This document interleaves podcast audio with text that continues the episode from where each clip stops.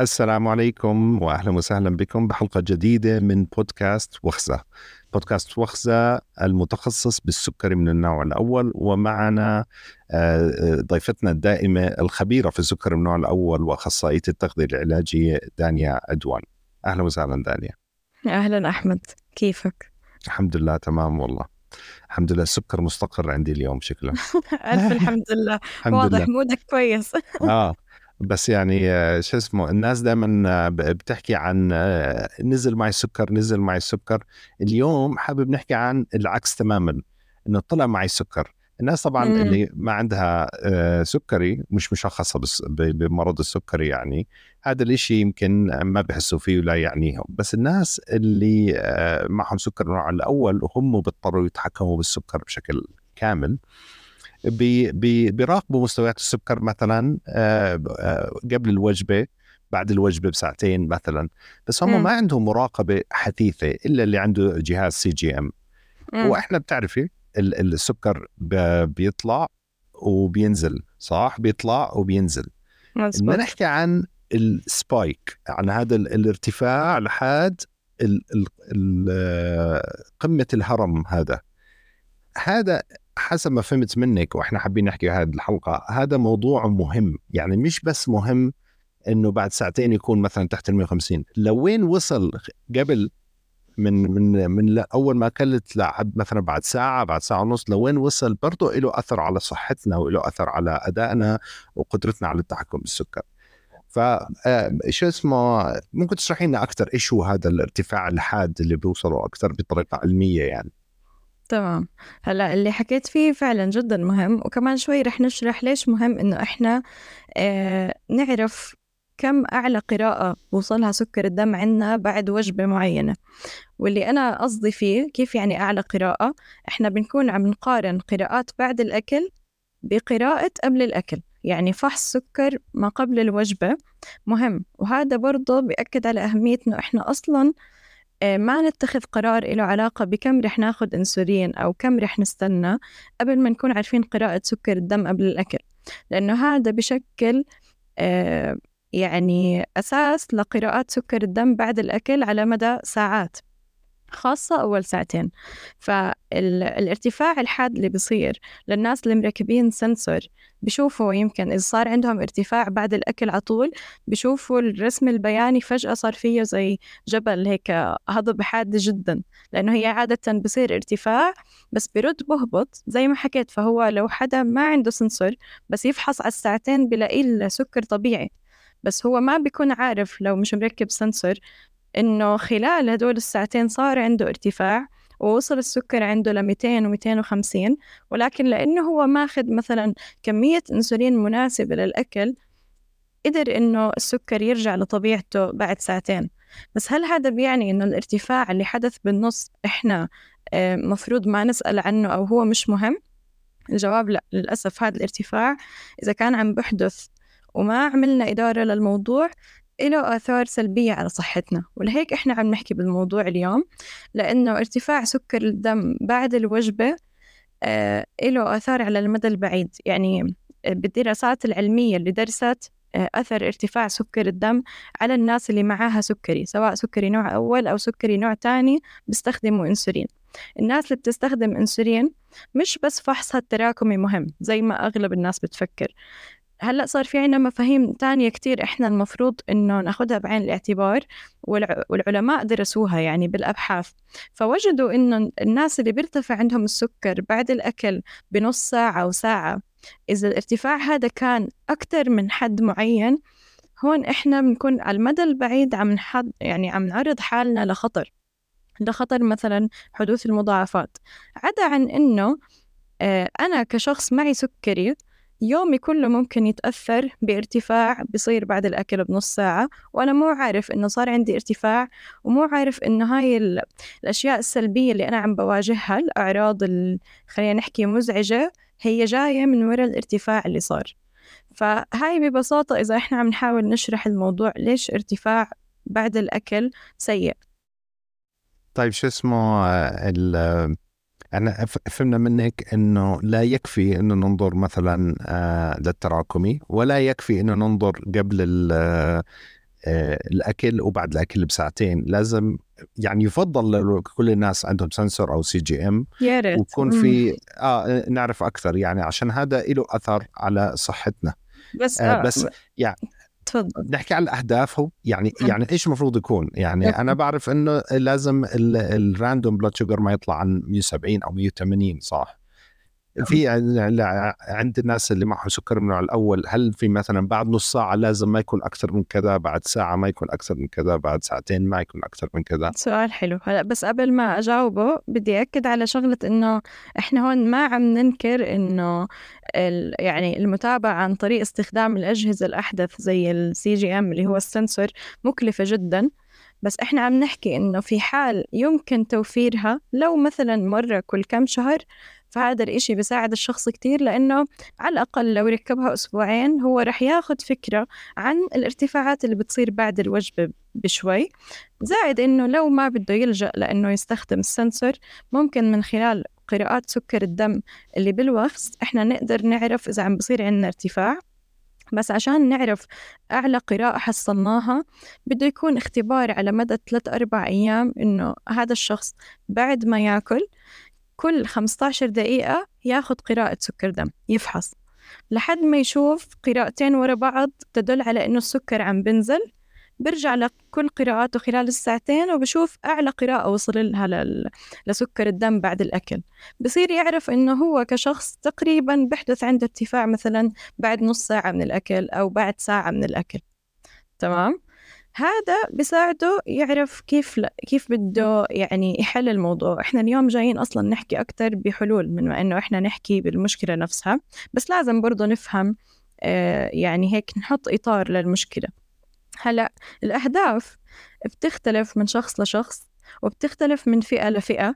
فما بزبط إحنا نحكي إنه كل الناس رح تنطبق عليها الأرقام اللي إحنا رح نحكيها هلأ.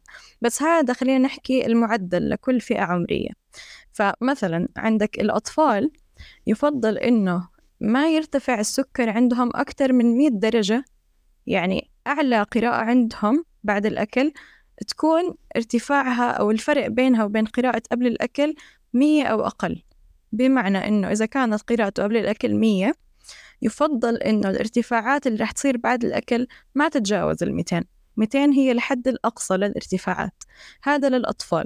أو بلغة تانية إذا بدنا نحكي عن قراءات سكر الدم المفروض الأطفال إنه قراءة يعني أعلى قراءة يوصلوها بعد الأكل تكون 200 ل 240 هاي مش قراءة بعد ساعتين عشان نكون واضحين ونرجع نأكد. ممكن قراءة بعد رأس الجبل. بالضبط. قراءة بعد ساعتين ممكن تكون رجعت 120 عند الطفل. بس إحنا بدنا برضو إنه القراءة اللي هي أعلى الجبل اللي هي السبايك ما تتعدى ال 200 ل 240 ولو كانت أقل طبعا أحسن وأحسن. بالنسبة للبالغين يعني شخص عمره 18 سنة فأكثر عنده سكري نوع أول يفضل إنه يكون آه تكون إدارته شوي خلينا نحكي دقيقة أكتر من الطفل. إحنا الطفل بنعطيه range أعلى شوي بالارتفاعات عشان بنكون خايفين عليه من الهبوطات ولأنه هو بسن نمو لسه. فبضل عندنا موضوع الهبوط أخطر ولأنه هو مرات حسب كم عمره ما حيقدر يمكن يميز الهبوط عنده. ف... فعشان هيك بتكون القراءات أو ال range ال target تبع الأطفال أعلى. بالنسبة للبالغين إحنا المفروض نحاول إنه ما يرتفع أكثر من 60 ل 80 درجة بالكتير. يعني إذا كانت القراءة قبل الأكل 100 مفروض أعلى قراءة يوصلها سكر الدم ما تتعدى ال 180 مش قراءة بعد ساعتين ما تتعدى ال 180 وهذا اللي بخربطوا بينه الناس لأنه مرات الدكتور عشانه مستعجل ممكن يحكي لك إنه آه، السكر لازم يكون أقل من 180 بس هو ما حدد لك الموعد. فأنت ممكن قراءتك بعد الأكل بساعتين تكون 150 آه، 160 بس أول ساعة من من ما أنت أكلت وصلت 250 وقراءتك كانت قبل الأكل 100 معناته ارتفع 150 درجة. هذا يعتبر سبايك زيادة عن اللزوم. هو أصلا ال spike عم بصير لأنه إحنا زي ما حكينا بالحلقات السابقة الأنسولين بطيء. ف والأكل سريع. يعني عشان هيك قد ما يحاول الشخص اللي معاه سكري لأنه خلص الموضوع بالنهاية آه، مختلف عن آه، طريقة عمل البنكرياس. أبطأ. فبالتالي إحنا بنتوقع لخبطة أو بنتوقع ارتفاع مختلف عن ارتفاع الناس اللي ما عندها سكري. لكن أنا بقدر إني أتحكم بكم هذا الارتفاع لازم يكون. بضل عندنا الفئة الأخيرة اللي هي المفروض تكون أكتر ناس عم تحاول تضبط سكر دمها بشكل دقيق هي آه، المرأة الحامل. المرأة الحامل إحنا بنخاف على التطور والنمو تبع الجنين. بالتالي يفضل قراءاتها دائما تكون برينج 120 ل 140 أو 70 ل 140 بشكل عام بس بعد الوجبة بساعتين ما يتعدى 120 ل 140 وحتى البيك عندها يعني الجبل ما يتعدى 140 وإذا بدنا نحكي عن كم درجة المفروض إنه ما يزيد عن 60 درجة خلال يعني بعد الأكل. إذا قراءتها الفرق آه. إذا قراءتها 100 الماكسيموم اللي المفروض توصله 160 فهي يمكن من أصعب الفترات اللي الشخص بيضطر يتحكم فيها بسكر الدم. بس هو أصلا هذا يمكن عشان أكون واضحة آه، يفضل يكون الهدف اللي كل حدا معاه سكري حابب يوصله اللي هي ال targets تبعت المرأة الحامل. هذا بيساعد إنه أنت تأخر المضاعفات قدر الإمكان. بس هذا الحكي لما نيجي للواقع نعكسه على الواقع هو كتير صعب. يعني بدراسة انعملت ببريطانيا وأمريكا جابوا 1200 شخص معاهم سكري بياخدوا أنسولين. وجدوا إنه 46% منهم آه، قراءتهم بعد الأكل بساعة تتعدى 300 46% من اللي معهم سكري اللي هم تقريبا نص ال 1200 وكمان حتى التقسيم لباقي الفئات يعني النسبة اللي كانت عم تتحكم بسكر الدم عندها أقل من عشرة بالمية. فإحنا ما عم نحكي إنه اليوم إذا أنت مو قادر تحقق هذا ال target أنت لازم تشعر بالإحباط أو أنت شخص آه، فاشل ما عم تتحكم بسكر الدم. لأنه صراحة بالحياة اليومية والواقعية دائما دائما الموضوع أصعب مش زي الكلام. الكلام سهل أكيد. بس الواحد دايما بشوف شو وضعه الحالي وبشوف كيف ممكن يحسن عليه لو شوي. هاي الشوي انت رح رح تكسبها يعني ورح تفرق بصحتك كتير يمكن. مرات يمكن انت تشوف انه قراءاتك بس صارت أقل من 180 مع إنه انت كنت شخص قراءاتك 250 و300 طول الوقت هذا يعتبر فرق كبير. فإحنا دائما بنحاول نشوف شو الوضع الحالي للشخص ويحط هدف منطقي بالنسبة لوضعه الحالي. فيعني ما بنحاول إنه إحنا نسعى للكمال لأنه شوي صعب الموضوع لأنه الشخص اللي بيحاول يضبط سكره 24 ساعة أول إشي رح يصير عنده تركيز كتير كبير على الموضوع فرح يعطله بأشياء تانية بحياته. وتانيا لأنه رح يصير معاه بيرن أوت احتراق ذاتي. بعد فترة نفسيته ما رح تتحمل إنه هو آه، يعني قاعد لحاله على الوحدة بالسكري. ما بزبط هذا الإشي لأنه في كتير عوامل بتأثر على سكر الدم غير الأكل بس إحنا اليوم اخترنا موضوع ارتفاعات بعد الأكل لأنها من المواضيع اللي في كتير حلول لها ممكن تكون تطبيقية وعملية وتساعد الشخص يعني إنه يتحكم فيها طيب قبل ما نعرف هدول الأضرار اللي حكيتيها م. على المدى القصير والمدى الطويل م. أنا في شغلة خطرت في بالي وبدي أسألك عنها من زمان okay هلأ إحنا فاهمين إنه هذا ال spike أو الارتفاع الحاد أعلى ارتفاع وصله بعد ما أكلنا وجبة آه، مهم. تمام. تمام؟ لمرضى السكر النوع الأول. حلو. ولكن هلأ الترند بتعرفي على الإنستغرام وعلى التيك توك وكذا ناس غير مص... آه، غير مصابين بمرض السكري كلهم مركبين sensor أو CGM وبصيروا يأكلوا أصناف من الطعام وقال نجرب هذا النوع التمر ونجرب نوع الكذا نجرب الحلو ونشوف قديش ال spike قاعد بصير في كل نوع من الطعام. هل هذا آه، موضوع مهم للناس اللي ما معهم سكري؟ إحنا فاهمين اللي معه سكري مهم واللي ما معه سكري مهم ولا هم الناس قاعدة بتبالغ؟ هذا الموضوع يعني على ال social media مش أكتر من طريقة لقوها الناس يعملوا فيها محتوى بيجذب الناس لأنه أنت كشخص بتاكل نفس هاي الأكلات صار عندك فضول تعرف إنه كيف بتأثر على سكر الدم عندك؟ خاصة إنه آه، في عنا سمعة سيئة للإنسولين على الإنترنت بشكل عام.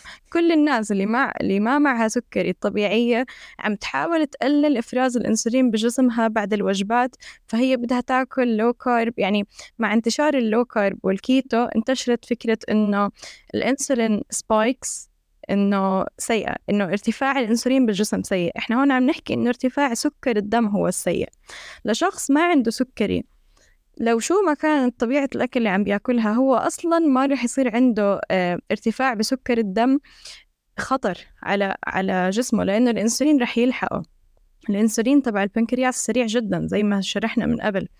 وما في ولا أي دراسة بتثبت إنه حتى الناس اللي بمرحلة ما قبل السكري ممكن يستفيدوا من إنهم يركبوا سنسور ويتحكموا بالبوست اللي هي الارتفاعات ما بعد الوجبة أو إنهم يتحكموا بكم مثلا رح يرتفع سكر الدم وإنه إذا ارتفع أقل فهذا أحسن لإله. هلأ الشخص اللي بمرحلة ما قبل السكري آه، عنده عوامل خطورة مختلفة ممكن يتحكم فيها وتساعده كتير أكتر إنه يرجع لسكر دم طبيعي من إنه هو يركب sensor ويصير يفحص سكره كل شوي مع كل نوع أكل بياكله. وكمان أصلا يعني كل شخص عن التاني بيختلف. آه، إحنا كبشر سواء تنين معاهم سكري نوع أول ما في واحد زي التاني بتأثير الأكل أو الأنسولين على جسمه. وكمان الناس يعني أنا نفسي كشخص سواء معي سكري أو لا من يوم ليوم رح يف... رح يفرق معي هاي هذا الصنف من الأكل اللي أنا أكلته وعملت فيه محتوى إنه اليوم التمر رفع لي السكر 50 درجة. ممكن بكرة يرفع لك إياه 20 درجة. فهي المشكلة يعني أو الارتفاع اللي صار ما له دخل بس بالتمر له دخل بكتير عوامل. موضوع معقد إحنا ما بدنا يعني نفوت بموضوع مختلف شوي عن حلقتنا بس هو نايم مش نايم لاعب رياضة مش لاعب رياضة هذا كله بيأثر. كورتيزول عالي stress مش stress محتوى الوجبة برضه هي أو اللي قبلها أيوة. يمكن أكل الوجبة آه يعني 100% كل اللي حكيته آه. هذا بيأثر ولسه عوامل تانية كتير ممكن تأثر على كم رح يرتفع سكر الدم. حتى عند اللي اللي معهم سكري نوع أول. إحنا ما عم نحكي إنه الأكل هو الإشي الوحيد اللي بيأثر أو الأنسولين. بس هم يعني لشخص معاه سكري نوع أول هو critical عنده. يعني جدا الموضوع حرج إنه ما يكون فاهم الأنسولين والأكل وما يكون عارف كيف ينظم الأمور. لأنه بهاي الحالة بتفرق. يعني الناس الفئة الوحيدة اللي بتستفيد من ال sensor اللي هو بيتركب على الإيد وبنفحص فيه سكر الدم 24 ساعة هم الناس اللي بيستخدموا أنسولين سواء سكري نوع أول أو سكري نوع تاني وصل لمرحلة إنه بيستخدم أنسولين. عدا عن ذلك ما في أي فئة بالدنيا بحاجة إنها تركب sensor حتى الرياضيين إذا هو ما معاه سكري نوع أول ما في داعي يركب sensor. لأنه هلأ كمان شفناه ترند عند ال coaches إنه هو يركب sensor ويصير برضه يعمل من هذا النوع من المحتوى. حتى الرياضات يعني صاروا يعملوا لك إنه الرياضة اللي بترفع سكر الدم شوي هي رياضة سيئة.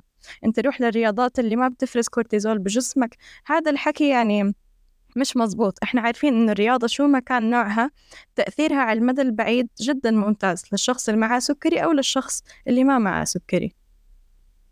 نعم. الله الله يهديهم. والحق مش عليهم الحق على آه، ميتا ومارك زكربرج والشباب الطيبة اللي بيعملوا لك آه، هدول الخوارزميات اللي بتدفع الناس يلاقوا دائما شيء هذا العنوان الجذاب اللي بتجيب ناس وكذا.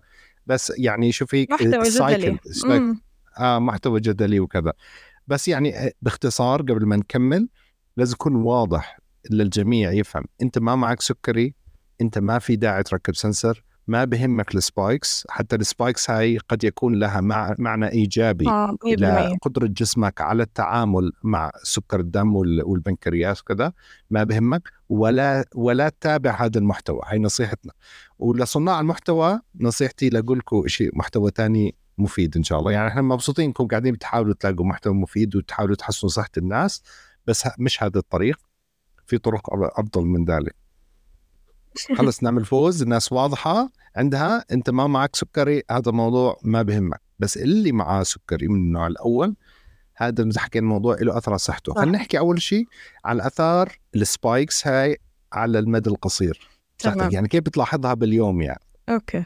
رح أحكي لك يعني على تجربة شخصية وكمان من الدراسات. يعني اللي أنا لاحظته على نفسي هو موجود عليه إثباتات علمية موجود عليه إثباتات مع صحباتي اللي معهم سكري اللي بحكي معاهم كتير مع المراجعين اللي عندنا معاهم سكري.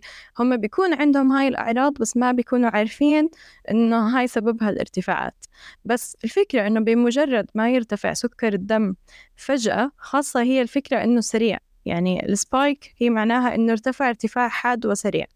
ارتفاع حاد وسريع هذا كفيل بأنه حاليا بنفس اللحظة يعمل لك أعراض كتير تأثر على جودة يومك كاملة.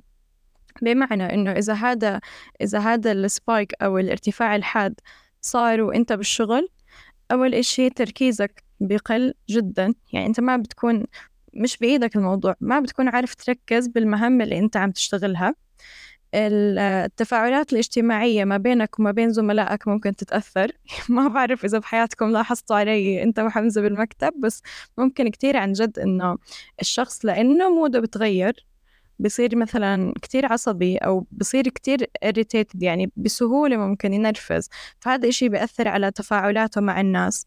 كمان يعني بيأثر على آه، طاقته. أصلا يعني حتى لو ما أثر على موده هو بيكون حاليا ما عنده طاقة إنه يعمل إشي. فهو إذا بالشغل بحس حاله إنه نفسه ينام. مش نفسه يقعد يكمل الشغل مع إنه ضايل مثلا على شغله ثلاث أربع ساعات. إذا هو بالجيم بحس إنه مش قادر يلعب ولا إشي. ممكن يحمل حاله ويروح حرفيا. لأنه حتى في أنت قاعد بتحكي عن ال spike لما يكون هلأ في سبايك لما يكون هلأ في spike وبعدها لحد ما ينزل. بس ما هو كمان أصلا هي ليش ليش مشكلة؟ لأن هي حيرتفع وإذا الشخص ماخذ انسولين كفاية حيرد ينزل. فبرضه النزلة السريعة إلها تأثيرات سلبية على الجسم. فهي هاي اللي بسموها ال fluctuation بالإنجليزي الذبذبة بسكر الدم أو التغير السريع هو اللي عادة بيخلق تغييرات بمستويات الطاقة وبالمزاج تبع الشخص. فكتير كتير ناس بيلاحظوا يعني كتير مراجعين عنا بيحكوا لي عن أطفالهم كيف إنهم صاروا مثلا عنيفين أكتر بعد السكري. بتلاقي إنه لا هو مش من السكري نفسه. ممكن صراحة في ضغط نفسي بسيط على الطفل عشان عنده سكري. إنه مثلا هذا الإشي يغير على مزاجه أو على شخصيته.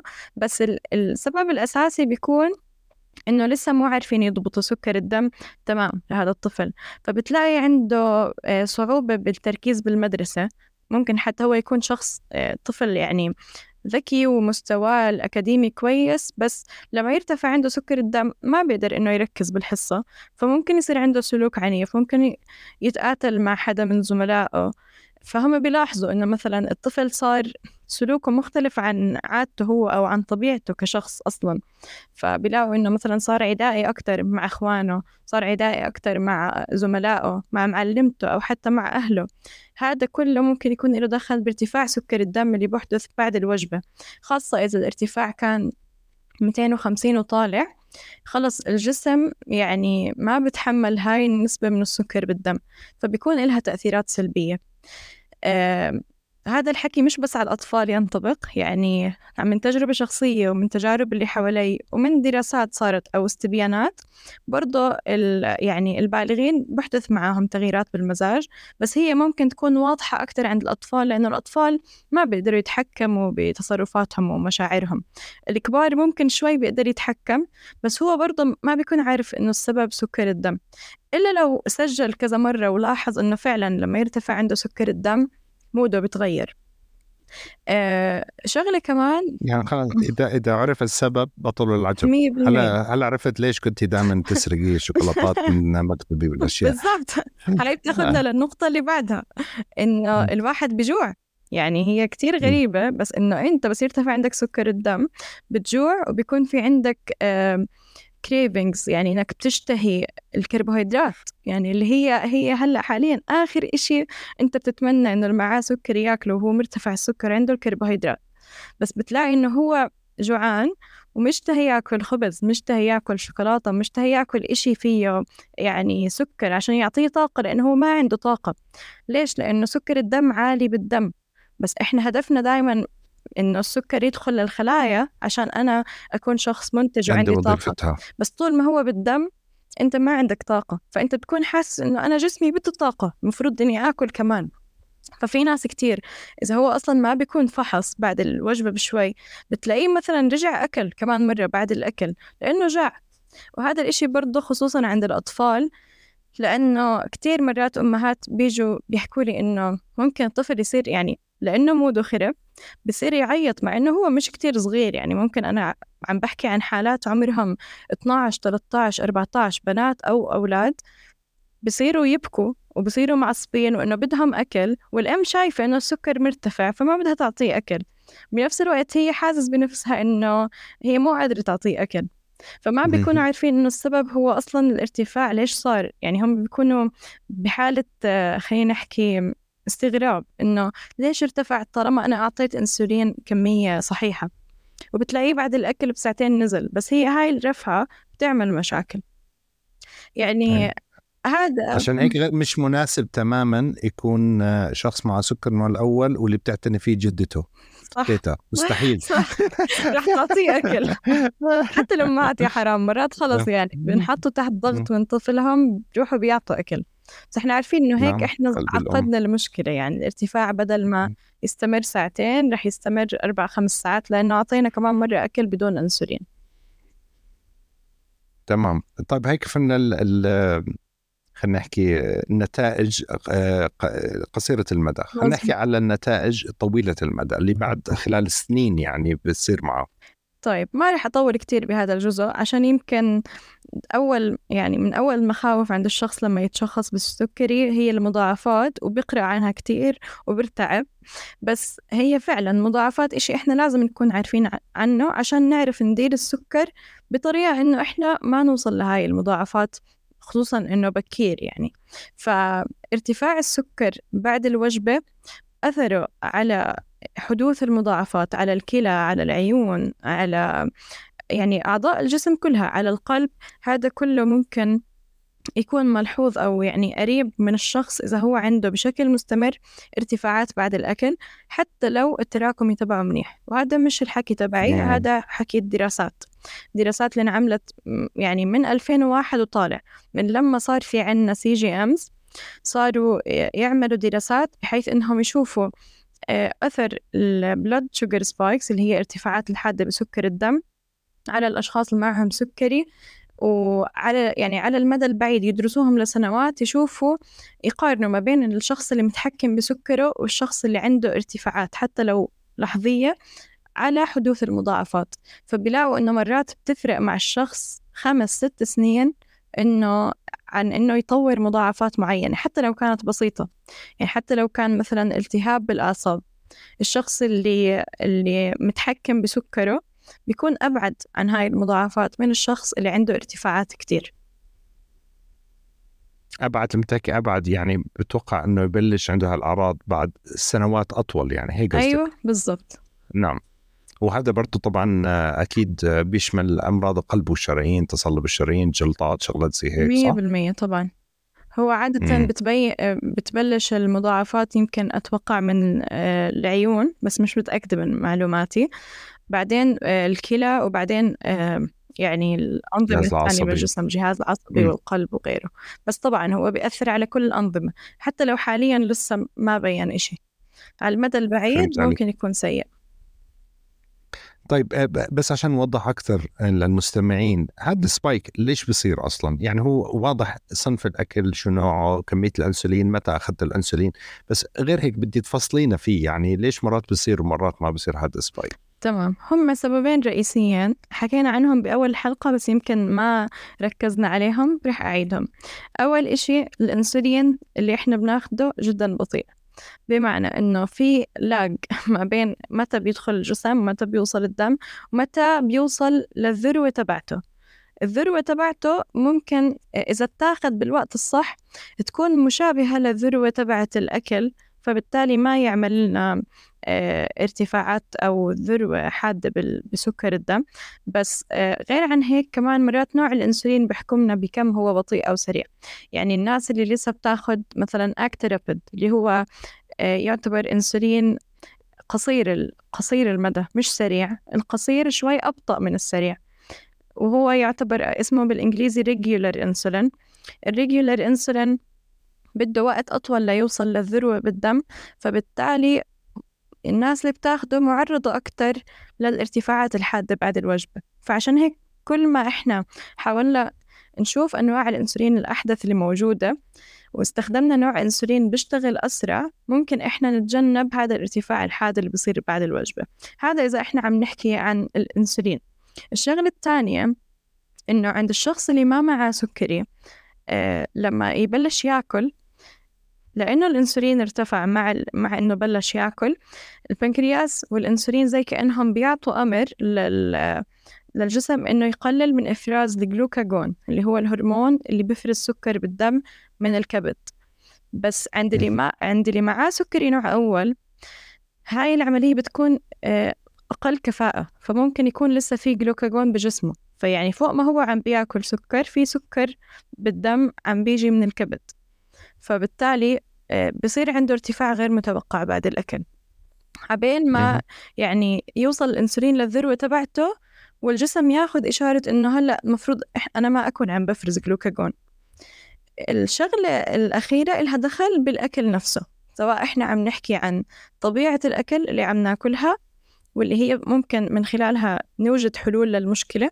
أو إذا إحنا عم نحكي حتى عن هرمونات تانية في في عنا فيها نقص عند الناس اللي عندها سكري نوع أول. يعني كل الناس بتعرف إنه إحنا عنا نقص أو ما عنا أنسولين بالجسم. بس كتير قليل اللي اللي بيعرفوا عن هرمون كتير مهم اسمه أميلين. الأميلين هو هرمون برضه بنفرز من البنكرياس من نفس خلايا بيتا فبالتالي طالما بيتا تدمرت هذا الهرمون مش موجود. وهذا الهرمون آه هدفه الأساسي بالجسم إنه يبطئ من عملية الهضم وإنه يقلل من نسب برضه الجلوكاجون بالدم اللي هو الهرمون اللي بيرفع السكر. فهو طالما مش موجود فإحنا بنتوقع هضم أسرع للنشويات ووصولها للدم بشكل أسرع وحدوث هذا الارتفاع الحاد. بينما الناس اللي ما عندها سكري عندها أميلين فهذا الأميلين بيساعد الأنسولين على إنه إحنا ما يصير عندنا ارتفاع حاد بسكر الدم. آه كمان في عنا هرمون اللي هو هلأ يستخدم لعلاج السمنة والسكري النوع الثاني اللي هو GLP 1 اللي هو مشهور باسم أوزمبيك. هذا المفروض هو دواء مشابه لهرمون بجسمنا اسمه GLP 1 هذا الهرمون برضه من الهرمونات اللي بتساعد الجسم على تنظيم مستويات السكر بالدم بأكثر من طريقة ما رح أفوت فيهم وبتساعد الشخص على الشبع لفترات أطول. اللي عندهم سكري نوع أول بيفرزوا GLP 1 جسمهم بيحتوي على GLP 1 بس كميات أقل من اللي ما عندهم سكري نوع أول. فهذا برضه بيعرضهم حتى للسمنة يعني هو موضوع خارج نعم. بس ممكن آه، أشخاص يتعرضوا للسمنة مش لأنهم بلشوا يستخدموا أنسولين زي ما هو شائع. الأنسولين ما له دخل بزيادة وزنك. إلا ببداية بعد التشخيص لأنه أنت بتكون خسرت كتلة عضلية وخسرت وزن فأنت محتاج ترجع تزيد هذا الوزن. بس بعد هيك كم رح يزيد وزنك؟ معتمد على أنت كيف نظامك الغذائي وهل عم تاخذ بعين الاعتبار أنه أنت المفروض مثلا تشبع من الأكل اللي قليل بالسعرات الحرارية. فهذا الإشي برضه بيكون عامل ممكن يعرض الشخص للسمنة على المدى البعيد. فإحنا لما نيجي بدنا نحل مشكلة الارتفاعات بعد الوجبة المفروض إحنا نطلع على كيف ممكن نعدل على وجبات الشخص وأكله بحيث إنه إحنا نقلل من هذا الارتفاع الحاد. طب سؤال الأوزمبيك. أنا بعرف إنه هو دواء للمصابين بالسكر من النوع الثاني ولكن هل ممكن يأخذون المصابين بالسكر النوع الأول برضه؟ يعني كثير بكير نحكي ممكن أو لا بس في ناس يعني في باحثين بلشوا يدرسوا هذا الموضوع وفي ناس بتاخده يعني بس تجارب شخصية وعم بيلاقوا إنه تأثيره إيجابي عليهم سواء بتقليل جرعات الأنسولين أو بالتحكم بمستويات السكر بالدم. ولكن ما في كتير أبحاث كافية إنه إحنا نقدر نحكي للناس إنه استخدم أوزمبيك هذا الإشي أو يعني استخدم هاي الأدوية رح تساعدك على تنظيم سكر الدم. بس هي محتمل إنه يعني بالكم سنة الجايين نسمع إنه صار في عنا حتى إبر أميلين اللي هو الهرمون اللي برضه فيه نقص وكمان إنه ممكن GLP 1 اللي هو يعني يصير استخدامه وارد للأشخاص اللي معاهم سكري نوع أول. حلو ممتاز والله. طيب ندخل ندخل بالزاكي هلأ أو آه. اللي مش زاكي أنا متأكد راح تحكي لنا كله ألياف عفيق وكله بروتين عفيق آه زي دائما صراحة آه. بس يعني هو الحلول يعني شوي طويلة. إحنا طولنا اليوم بس آه ما بعرف إيش رأيك نقسم الحلقة على جزئين ولا نكمل؟ آه إذا إذا الحلول فيها تفصيل نقسمها أحسن. هو فيها تفصيل عشان, عشان نفيدهم قد ما بنقدر. طيب خلاص يعني إحنا هل وضحنا المشكلة. زي كنا نفضنا السجاده كلها غبرة والشاشة كلها غبرة عندهم هلأ. بدك تحكيهم قبل ما يضيعوا دانيا بحلقة سريعة إن شاء الله. نحكي فيها عن كيف نخفف من هاي السبايكس إن شاء الله. ان شاء الله. طيب أنا شاكر كثير لوقتك دانيا والعلم اللي بتثرينا فيه وجزاك الله خير. شكرا لك على الاستماع. أهلا أهلا. أهلا. يعطيك العافية. الله يعافيك.